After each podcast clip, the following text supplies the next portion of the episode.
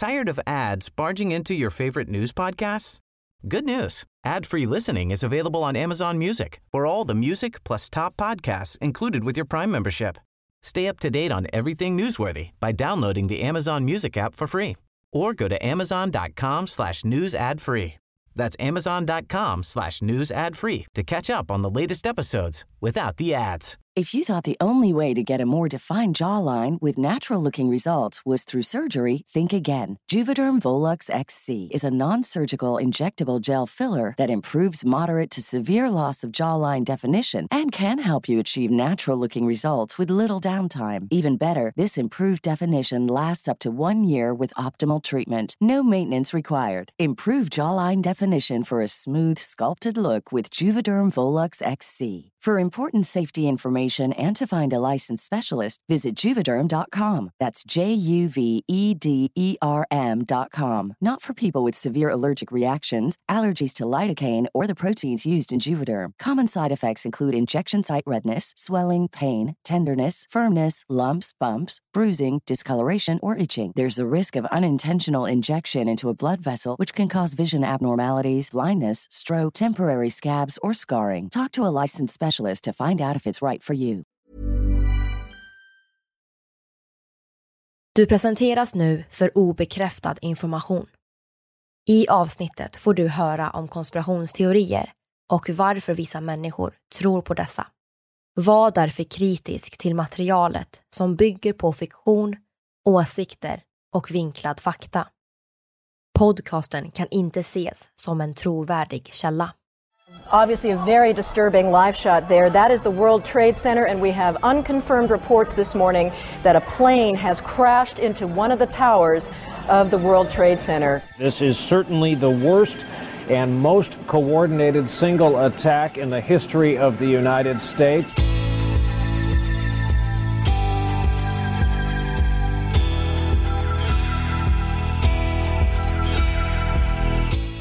Det här är podden för dig som är intresserad av en annan version av verkligheten. En version som tar upp alternativa teorier, mystiska sammanträffanden och diskussioner om vad som kan vara sant. Mitt namn är Vivi. Och mitt namn är Aida. Och det här är konspirationsteorier.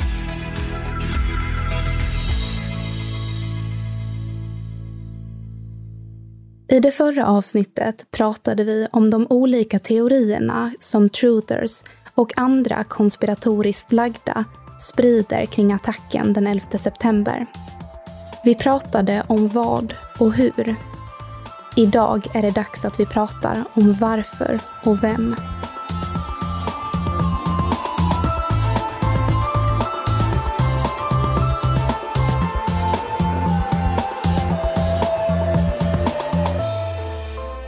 Det här är podden för dig som är intresserad av en annan version av verkligheten. En version som tar upp alternativa teorier, mystiska sammanträffanden och diskussioner om vad som kan vara sant.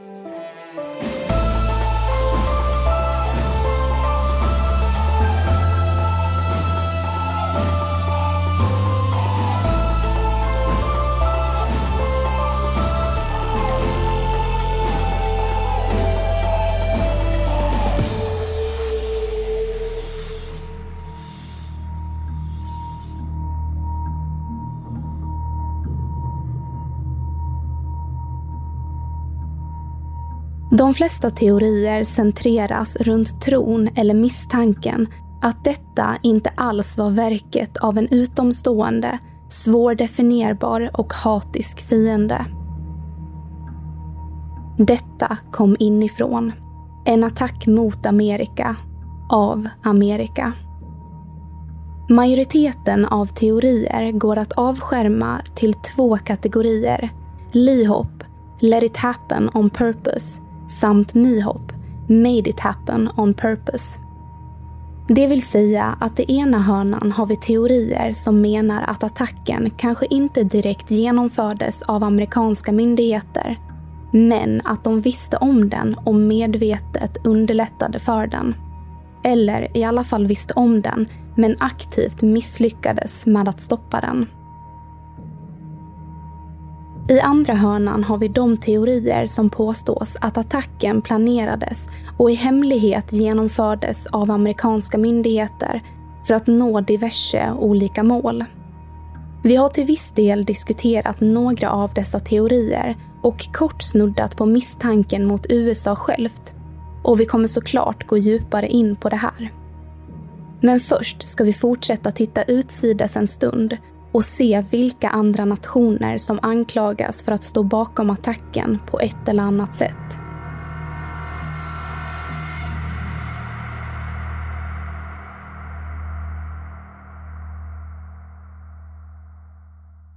Iran har sedan tidigare anklagats av USA för att ha kopplingar till al-Qaida, framförallt genom gruppen Hezbollah, en Iranstödd shia-muslimsk politisk och militant organisation som är terrorstämplad av flertalet organisationer och länder. Bland annat har Iran anklagats för att direkt samt indirekt ha bistått al-Qaida med resurser och träning rörande vapensystem och sprängmedel. Trots detta så var reaktionerna från Iran sympatiska morgonen den 11 september och flera vakor, tysta minuter och minnesstunder hölls runt om i landet. 2011 kommer dock en amerikansk domare döma staten och några av dess underorgan medskyldiga till dådet. Domen baseras på flera olika vittnesmål, främst bland dessa före detta medlemmar av 9-11-kommissionen och tre avhoppare från iranska underrättelsetjänsten. De vittnar bland annat om kontakt mellan nationen och al-Qaida samt om inköp av flygsimulatorer för att träna piloter på modellerna Boeing 757, 767 och 777. Inget av dessa flygplan flygs av Iran. Däremot var planen som användes i attacken av modellerna 757 och 767.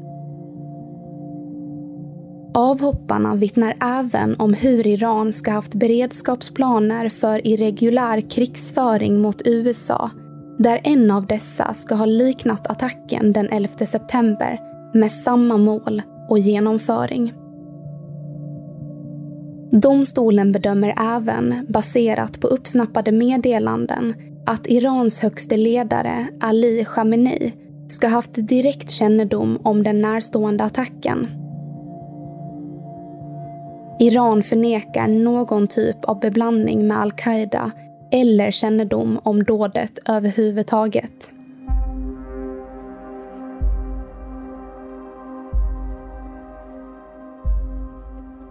Cirka fyra timmar efter planen kraschat in i tornen så griper FBI fem israeliska män i New York.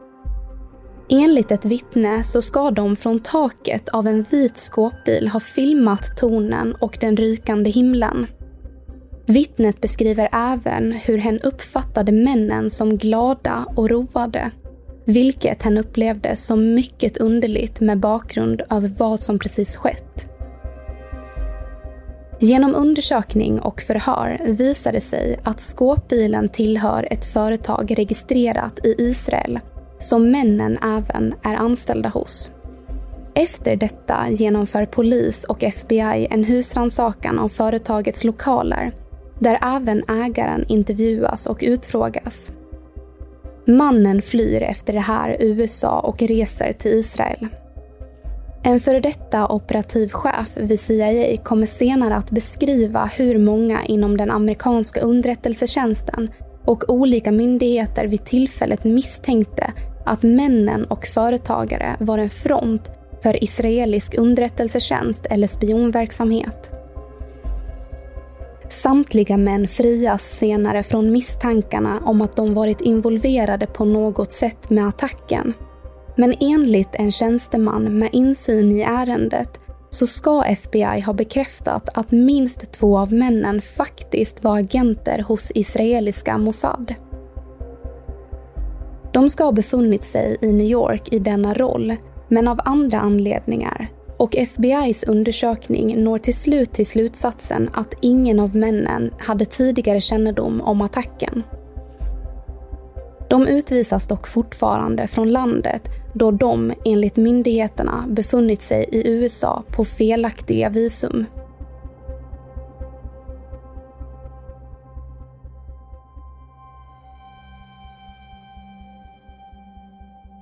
Även Irak kommer att klandras för attacken.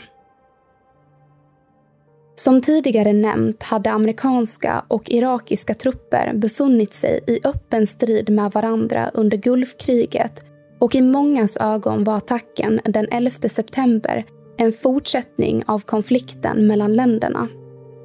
Men enligt flertalet vittnen så ska den dåvarande administrationen under president George Bush falskeligen har försökt sprida just denna bild trots avsaknaden av bevis för kopplingar mellan al-Qaida och den irakiska regimen under Saddam Hussein. Bland annat vittnar en ämbetsman om hur försvarsminister Donald Rumsfeld redan samma eftermiddag beordrat sin stab att försöka hitta något som skulle kunna gå att koppla attacken till Hussein och Irak, trots att den huvudmisstänkte var bin Laden. En annan vittnar om hur Bush i ett telefonsamtal till den brittiska premiärministern Tony Blair den 14 september säger “Vi kommer att slå mot Irak snart”.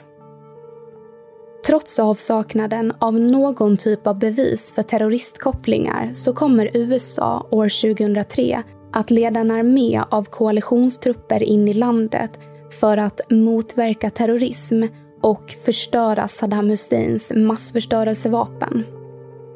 Vi kommer nu höra president Bush den 17 mars år 2003 ge Saddam Hussein ett ultimatum för att lämna landet inom 48 timmar. Saddam Hussein and his sons must leave Iraq within 48 hours.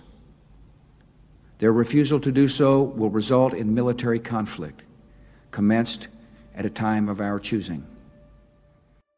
48 timmar efter att detta tal tv-sänds så inleds bombningen av Irak. Invasionen och ockupationen av landet kommer vara i cirka åtta år innan amerikanska trupper slutligen lämnar 2011. Under denna period kommer inga bevis för regimens kopplingar till al-Qaida eller dådet att hittas. Inga massförstörelsevapen kommer heller att hittas.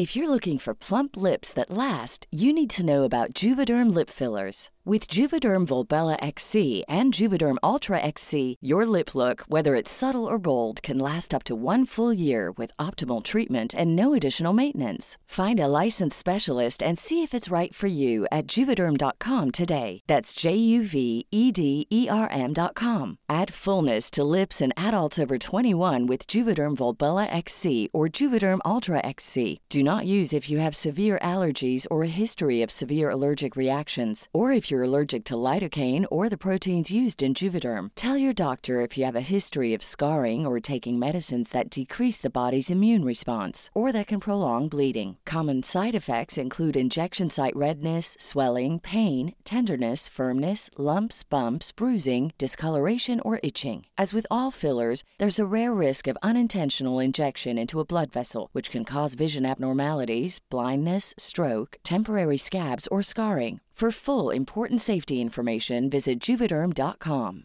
Tired of ads barging into your favorite news podcasts? Good news. Ad-free listening is available on Amazon Music for all the music plus top podcasts included with your Prime membership. Stay up to date on everything newsworthy by downloading the Amazon Music app for free or go to amazon.com slash news ad free. That's amazon.com slash news ad free to catch up on the latest episodes without the ads.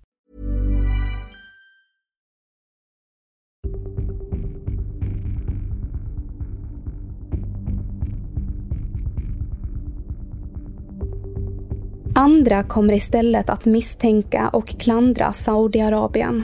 Bin Ladens hemland som i teorin varit vänligt inställda mot USA. Alliansen mellan Saudiarabien och USA var minst sagt skakig och byggde främst på en relation till det saudiska kungahuset och regeringen. Sanningen är dock att bin Laden sedan sina strider i Afghanistan mot sovjeterna och senare mot USA åtnjutit en relativ grad av beundran och gunst hos den saudiarabiska befolkningen som såg honom som en motståndare till de stora imperierna som försökte inskränka och kuva lokalbefolkningen i Mellanöstern. Agget mot USA gror bland annat på grund av det faktum att Bush år 1990 lovade att amerikanska trupper skulle lämna landet så fort hotet mot Irak var borta. Men trots Gulfkriget och befrielsen av Kuwait så befann sig den amerikanska militären fortfarande i landet på flertalet baser år 2001. Officiellt för att fortsätta bekämpa den irakiska regimen. Av många, och framförallt bin Laden och hans anhängare, klassades detta som en ockupation av landet. Många i USA och väst anklagar den saudiska regimen för att ha bistått och delvis finansierat attacken. Men även amerikanska myndigheter för att försöka mörka denna koppling. Bland annat pekar man på de så kallade 28 sidorna. De 28 sidorna är en del av rapporten författad efter en undersökning genomförd av The Senate Select Committee on Intelligence samt The House Permanent Select Committee on Intelligence. Just dessa 28 sidor censureras på order av den börsledda administrationen innan rapporten publiceras år 2002. När sidorna väl, eller delvis offentliggörs år 2016 så visar de på hur några av terroristerna i USA faktiskt hade kontakt med personer kopplade till den saudiarabiska administrationen och till den saudiska underrättelsetjänsten samt hur dessa ska ha bistått kaparna med finansiering och logistik.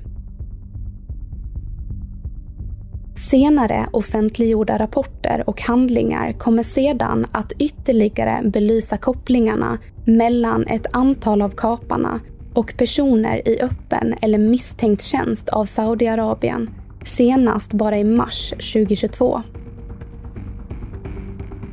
Undersökningen och misstankarna mot Saudiarabien är fortfarande pågående idag och kampen om att fortsätta offentliggöra tidigare sekretessbelagda och censurerade dokument tycks vara oändlig.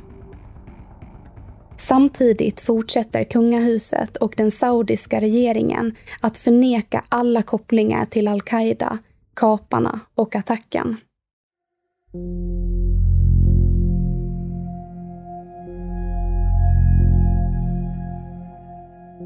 Detta leder oss slutligen tillbaka till USA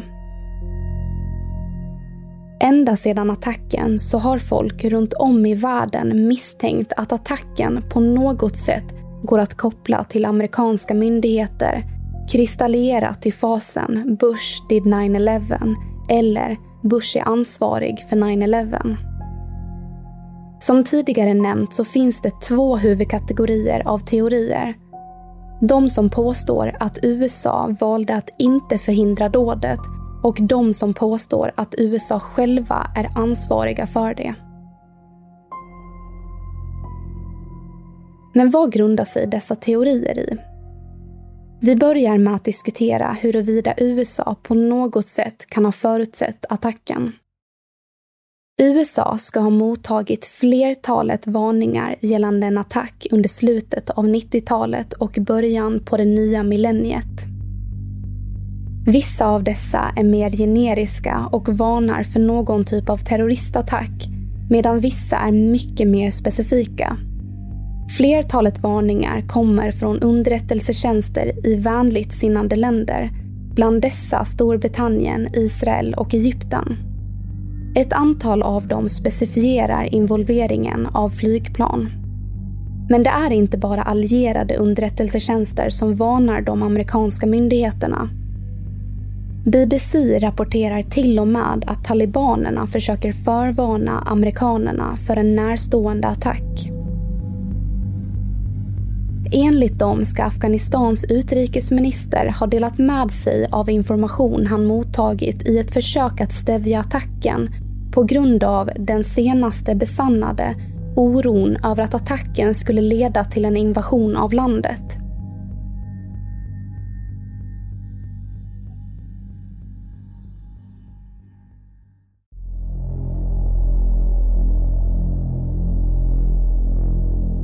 President Bush ska ha flertalet gånger blivit varnad över en potentiell attack från al-Qaida. Så sent som 36 dagar innan attacken varnas Bush av CIA i sin dagliga briefing om en väldigt närstående attack samt om förlopp av suspekta handlingar runt om i landet vilka pekar på förberedelser inför kapning av amerikanska flygplan. CIA-direktören George Tenet ska redan i juli ha givit Condoleezza Rice, senare utrikesminister men dåvarande rådgivare i nationella säkerhetsfrågor, något som beskrivs som en specifik varning. Även andra stabsmedlemmar och ämbetsmän ska ha varnat administrationen om en väldigt närstående attack på amerikanskt territorium. Utöver det har ett antal vittnen berättat om hur en militär operation vid namn Able Danger ska ha identifierat flera av kaparna och hur denna information sedan nekades att spridas till övriga underrättelsetjänster och myndigheter av jurister på det amerikanska försvarsdepartementet. Denna information och dessa vittnen har bekämpats och motargumenterats av både politiker och tjänstemän. Även det faktum att dessa vittnen ens ska ha vittnat om detta till den så kallade 9-11-kommissionen förnekas och Able Danger nämns inte i den senaste kommissionsrapporten.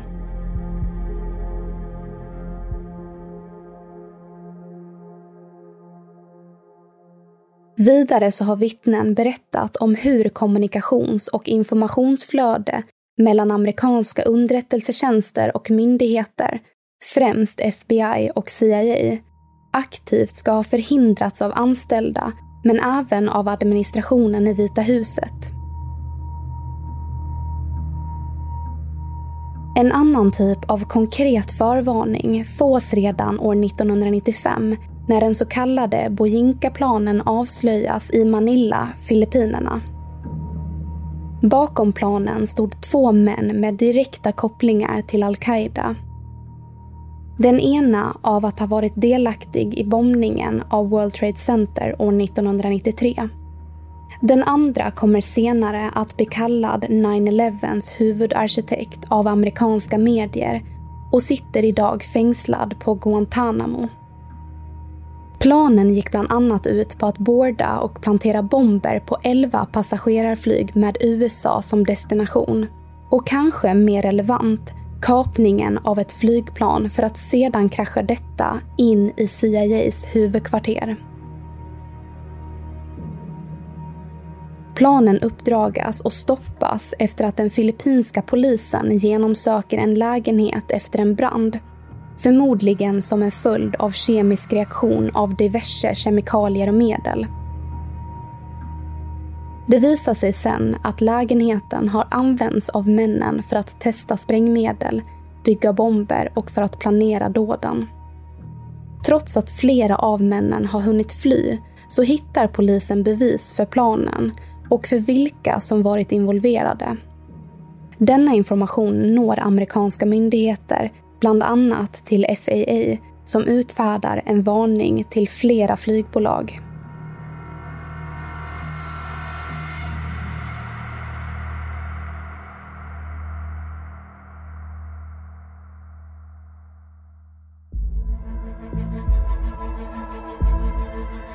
Efter attacken konstaterade både Vita huset, försvarsdepartementet och myndigheter som FAA att tanken på att använda flygplan som potentiella vapen var något som tidigare varit helt befängt och att absolut ingen hade kunnat förutspå detta. Men stämmer verkligen detta? Vi har pratat lite om de varningar som gavs till USA. vilket trots allt pekar på att tanken inte alls var befängd utan något som flera såg som ett konkret hot. Så hur hanterades detta befängda hot av amerikanska myndigheter egentligen? År 2000 skriver FAA i sin årliga rapport gällande hotet mot flygplan och flygplatsen uttryckligen. Trots att Osama bin Laden inte hittills attackerat civila flyg så har han både motivationen och resurserna för att göra det.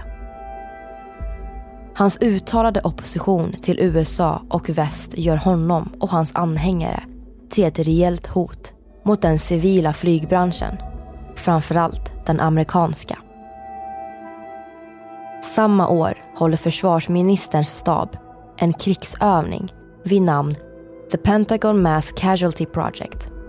Övningen ser en bred mängd personal från olika departement och myndigheter simulera en attack mot Pentagon. Inte heller bara vilken attack som helst.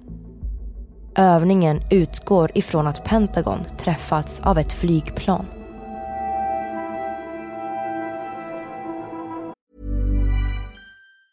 Tired of ads barging into your favorite news podcasts?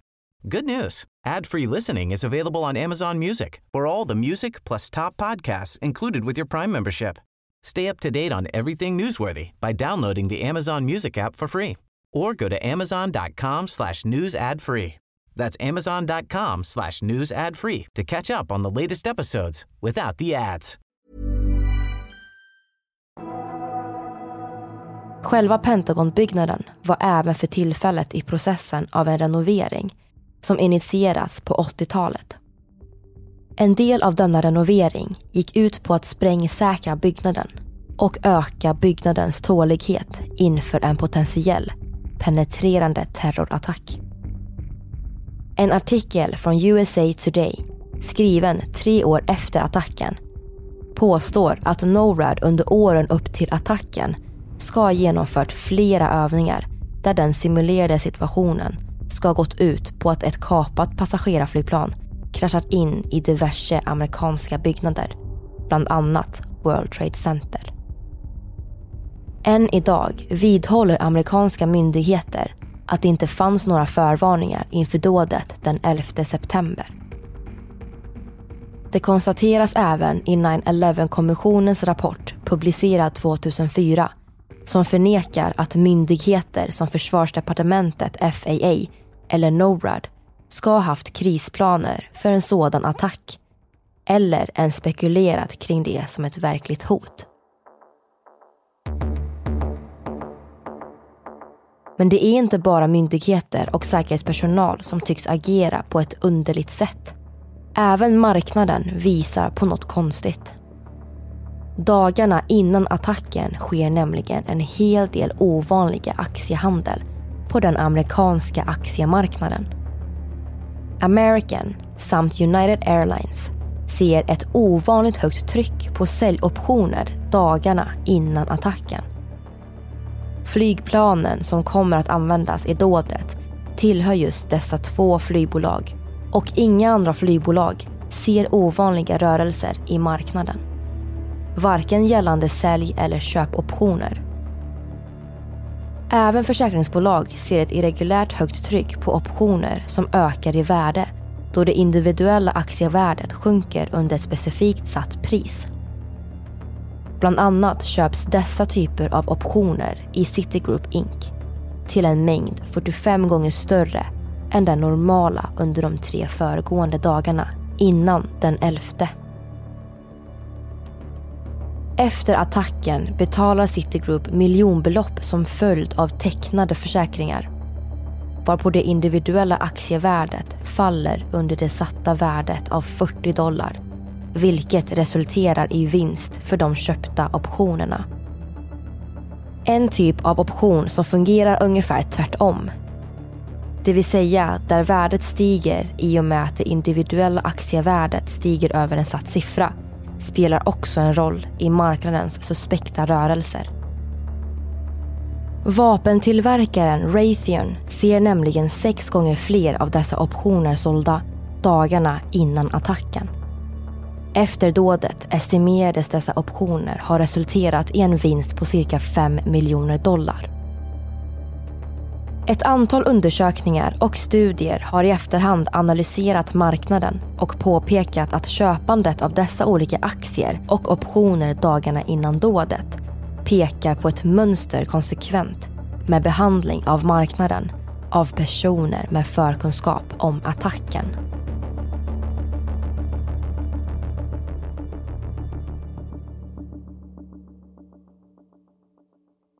Det vi nu har pratat om är flera faktorer Truthers pekar på när de påstår att attacken den 11 september inte alls var något som ingen kunnat förutse eller kunnat agera mot. Tvärtom fanns det gott om förvarningar. Väldigt specifika sådana. Och till och med förberedelser inför just en sån attack. De menar även att det sätt som marknaden manipulerades på tyder på att det fanns grupper och individer som definitivt visste vad som skulle hända. Vi ska nu återvända till mannen skyldig för attacken. Osama bin Laden. Det är nämligen så att många foliehattar tvekar på om han faktiskt var skyldig. Eller om han endast var en syndabock. Bin Laden erkänner inte dådet förrän 2004 Fram tills dess vidhåller han att varken han eller al-Qaida legat bakom attacken.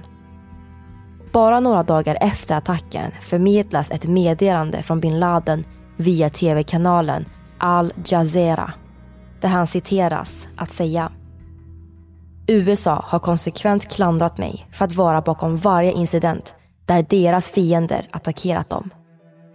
Jag vill försäkra omvärlden att jag inte planerade den nyligen inträffade attacken.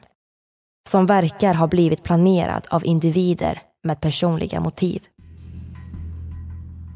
Men 2001, strax efter invasionen av Afghanistan, hittar amerikanska trupper de så kallade Jalalabad tapes i en räd mot ett hus i just stan Jalalabad.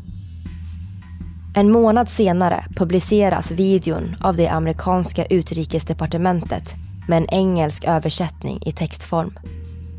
Enligt översättningen så talar bin Laden om attacken på ett sätt som visar på att han godkände och planerade den i förväg. Problemet med videon ligger dock i översättningen. Den stämmer nämligen inte. I analys av andra arabiska experter så blir översättningen väldigt annorlunda. Och de ställen i videon som påvisar förkunskap är inte korrekt eller identiskt översatt från arabiskan. I vissa fall rent manipulativt. Det finns även de som misstänker att mannen i videon inte ens är bin Laden. För att styrka deras argument pekar de på hur mannen i videon tycks skilja sig fysiskt från bin Laden Närmare bestämt är hans skäggväxt annorlunda. Hans vikt stämmer inte riktigt. Proportionerna är fel. Något annat som talar för att mannen i videon inte är bin Laden är att han i videon syns skriva med höger hand. Trots att han egentligen är vänsterhänt. Hans händer pryds även av guldringar. Något som är förbjuden för män enligt islam. Vidare så cirkuleras sedan 2003 ett ljudklipp där bin Laden uttalar att han var i partnerskap med Irak. Klippet kommenteras bland annat av utrikesminister Colin Powell inför den amerikanska senaten och har av många debatterats huruvida det är autentiskt. En månad senare leder USA invasionen av Irak under namnet Operation Iraqi Freedom. Faktum är att efter de två videoklipp som sänds av media 2004 där bin Laden i ett av dem erkänner dådet och som vi diskuterat tidigare så publiceras inga fler videoklipp med bin Laden utan endast ljudklipp. Dessa cirkuleras sedan sporadiskt fram tills det att amerikanska trupper den 2 maj 2011 genomför en räd i stan Abarobad på den pakistanska sidan av gränsen mot Afghanistan. Det är nämligen där och då som amerikansk hämnd äntligen når bin Laden då han skjuts av ett specialistförband från amerikanska Navy Seals. Efter bin Ladens död ska hans kropp ha förts till Afghanistan för att identifieras innan han begravs till havs. Enligt muslimsk sed.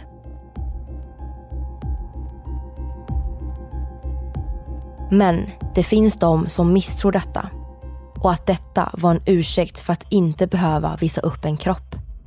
De som menar att jakten på bin Laden var jakten på ett spöke. Olika teorier spekulerar huruvida bin Laden ens levde så länge. Huruvida det är hans röst som faktiskt kan höras på de olika ljudklippen. Och som sagt huruvida han i slutändan var ansvarig för attacken den 11 september.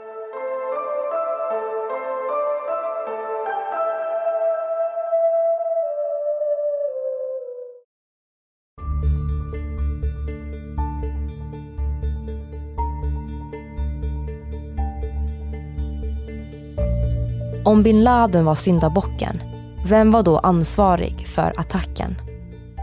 Vi ska nu slutligen prata om de så kallade false flag-teorierna.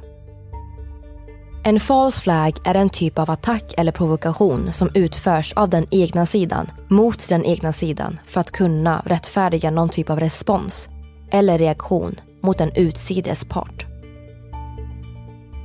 Ett av de mest kända exemplen är kanske Gleiwitz-incidenten där tyska soldater utklädda till polska upprorsmän attackerade en tysk radiostation.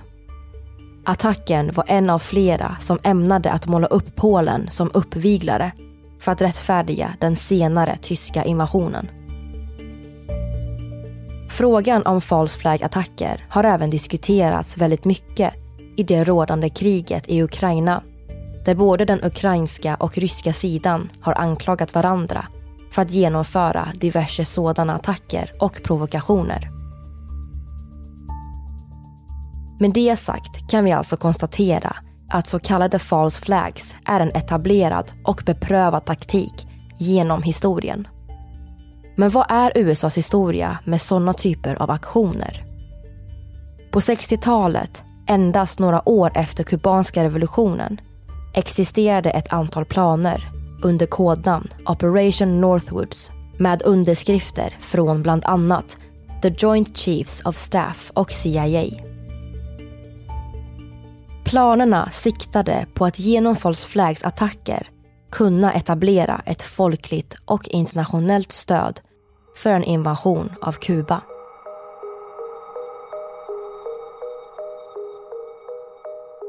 Planen inkluderade terroristattacker, bombdåd, kapningar och båtsänkningar som sen skulle skyllas på Kuba och kubanska kommunister. Målen var både civila och militära. Ingen av planerna genomfördes då president John F Kennedy vägrade skriva under. Några år senare, 1964, sker det som kommer att bli kallat incidenten i Tonkinbukten. Den 2 augusti attackeras Jaguaren USS Maddox av tre nordvietnamesiska skepp efter att ha avfyrat varningsskott mot dessa. Maddox klarar sig i princip oskadat ur incidenten medan de vietnamesiska skeppen tvingas retirera efter mottagna skador och förluster. Den 4 augusti ansluter sig Jaguaren USS Turner Joy till Maddox och samma kväll rapporterar Maddox hur skeppen återigen är under attack av vietnamesiska torpedskepp. Vilket några timmar senare konstateras ha varit ett falskt alarm.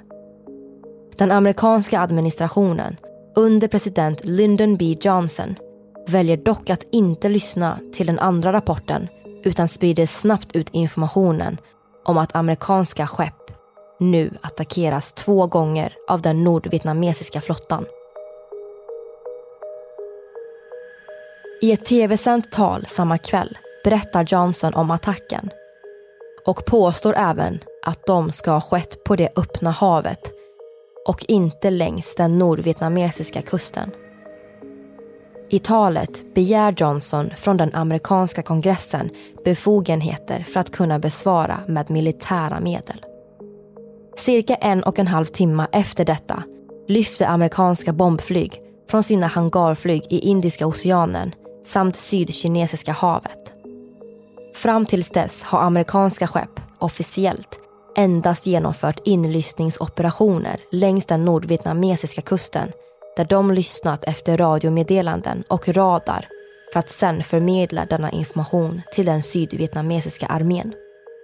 Incidenten leder några dagar senare till att den amerikanska kongressen antar en resolution vilket ger presidenten befogenheter att understödja och militärt assistera länder i Sydostasien som anses vara under någon form av kommunistiskt hot. I slutändan tjänar incidenten och resolutionen som motivering för den amerikanska invasionen av Nordvietnam våren 1965. Men varför skulle USA genomföra en false flag 40 år senare i början på det nya millenniet? Truthers anser att det finns gott om motiv för USA att vilja söka en anledning att återigen gå i krig och framförallt i Mellanöstern. En av de största anledningarna är den ekonomiska. Mellanöstern och framförallt regionen runt Irak är väldigt rik på olja. En mycket värdefull resurs och som USA vid den tidpunkten var i desperat behov av. Man pekar även på en planerad gasrörledning genom Afghanistan som skulle ha kopplat väst till öst men undvikit både Ryssland och Irak. En annan ekonomisk faktor kritiker påpekar är den amerikanska gigantiska vapenindustrin som i ett långvarigt krig skulle stå som de främsta vinnarna. Andra påstår dock att motiven inte främst var ekonomiska utan snarare geopolitiska. En uppvisning av militär dominans i efterdyningarna av det kalla kriget. Den amerikanska imperiet som med kraft visar att det fortfarande är de som bestämmer och råder på den internationella scenen. Kanske med en underliggande hotande ton mot potentiella fiender i framförallt Ryssland, Iran och Kina. Invasionerna av Irak och Afghanistan är i kritikers ögon bara ytterligare, men kanske de mest extrema, försök att bibehålla och understryka amerikansk hegemoni. De pekar även på hur invasionen står i relation till informationen man hade efter dådet. Bland annat sker invasionen av Afghanistan redan cirka en månad efteråt. Något som många anser är alldeles för kort tid för att planera något sånt. De menar alltså att invasionen redan måste varit planerad. Vi har även tidigare pratat om hur individer, högt uppsatta i administrationen, tidigt försökt att motivera en koppling till Irak. Trots att en länk mellan Saddam Hussein och al-Qaida redan då inte verkade troligt. Långt senare, efter invasionen och under ockupationen av Irak förnekas detta av bland annat George Bush själv som påstår att kriget i Irak inte hade något att göra med 9-11. Förespråkare av false flag-teorier pekar på detta och menar att det inte riktigt går ihop. I deras ögon blir en respons för en attack på amerikanskt territorium en lös ursäkt för krig som redan var planerade och önskade av den amerikanska ledningen.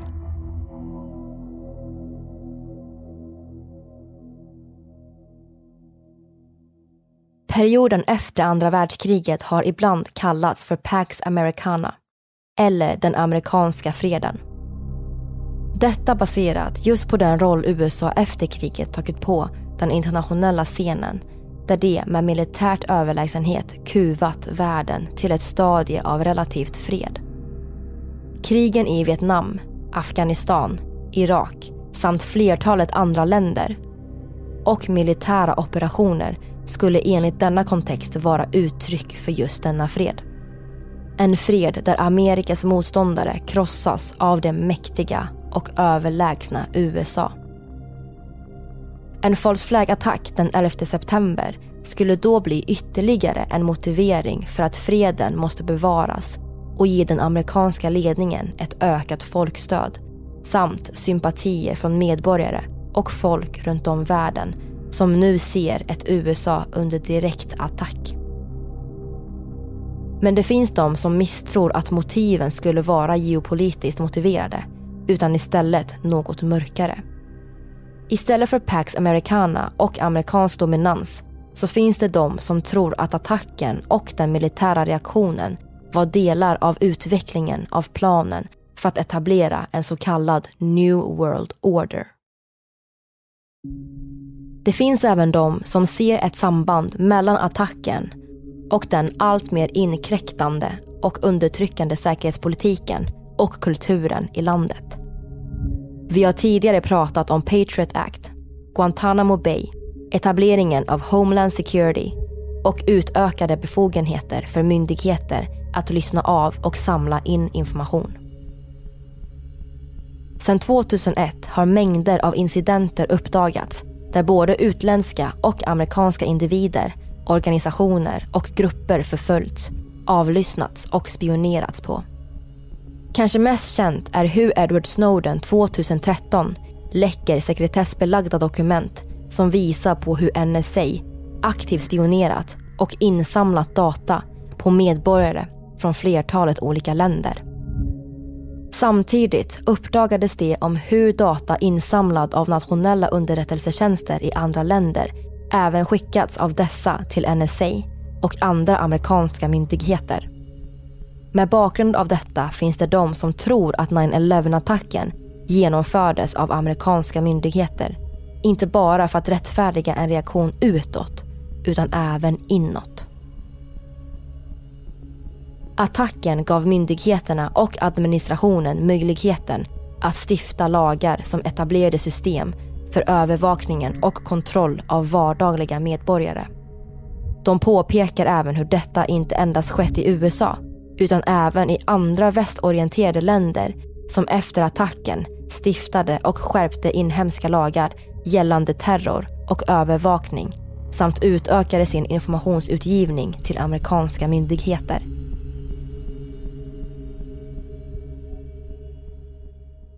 Vi har idag pratat om olika teorier kring vem som faktiskt låg bakom den 11 september. Vi har pratat om dolda och mörkade relationer. Vi har pratat om motiv och konsekvenser. Vi hoppas att ni genom dessa avsnitt fått en bild över inte bara vad som hände utan även för det som påstås ej ha hänt. Att ni efter detta kan se den större bilden och förstå vilka argument truthers använder när de pekar finger mot det ena eller det andra. I nästa avsnitt kommer vi att diskutera allt detta och mer. Vi kommer diskutera 9-11-kommissionen, Khalid Sheikh Mohammed, relationer mellan kommunister och terrorister samt motargument mot de teorier vi hittills nämnt. Vi kommer diskutera allt ifrån det suspekta till det faktiska, till det underliga och det underhållande. Tack för att ni har lyssnat.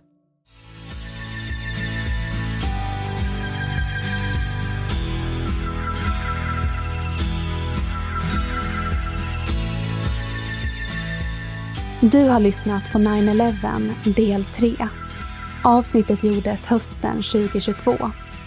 Vi som har gjort programmet heter Vivian Lee och Aida Engvall tillsammans med redigerare Jenny Olli och manusförfattare Albin Åslund.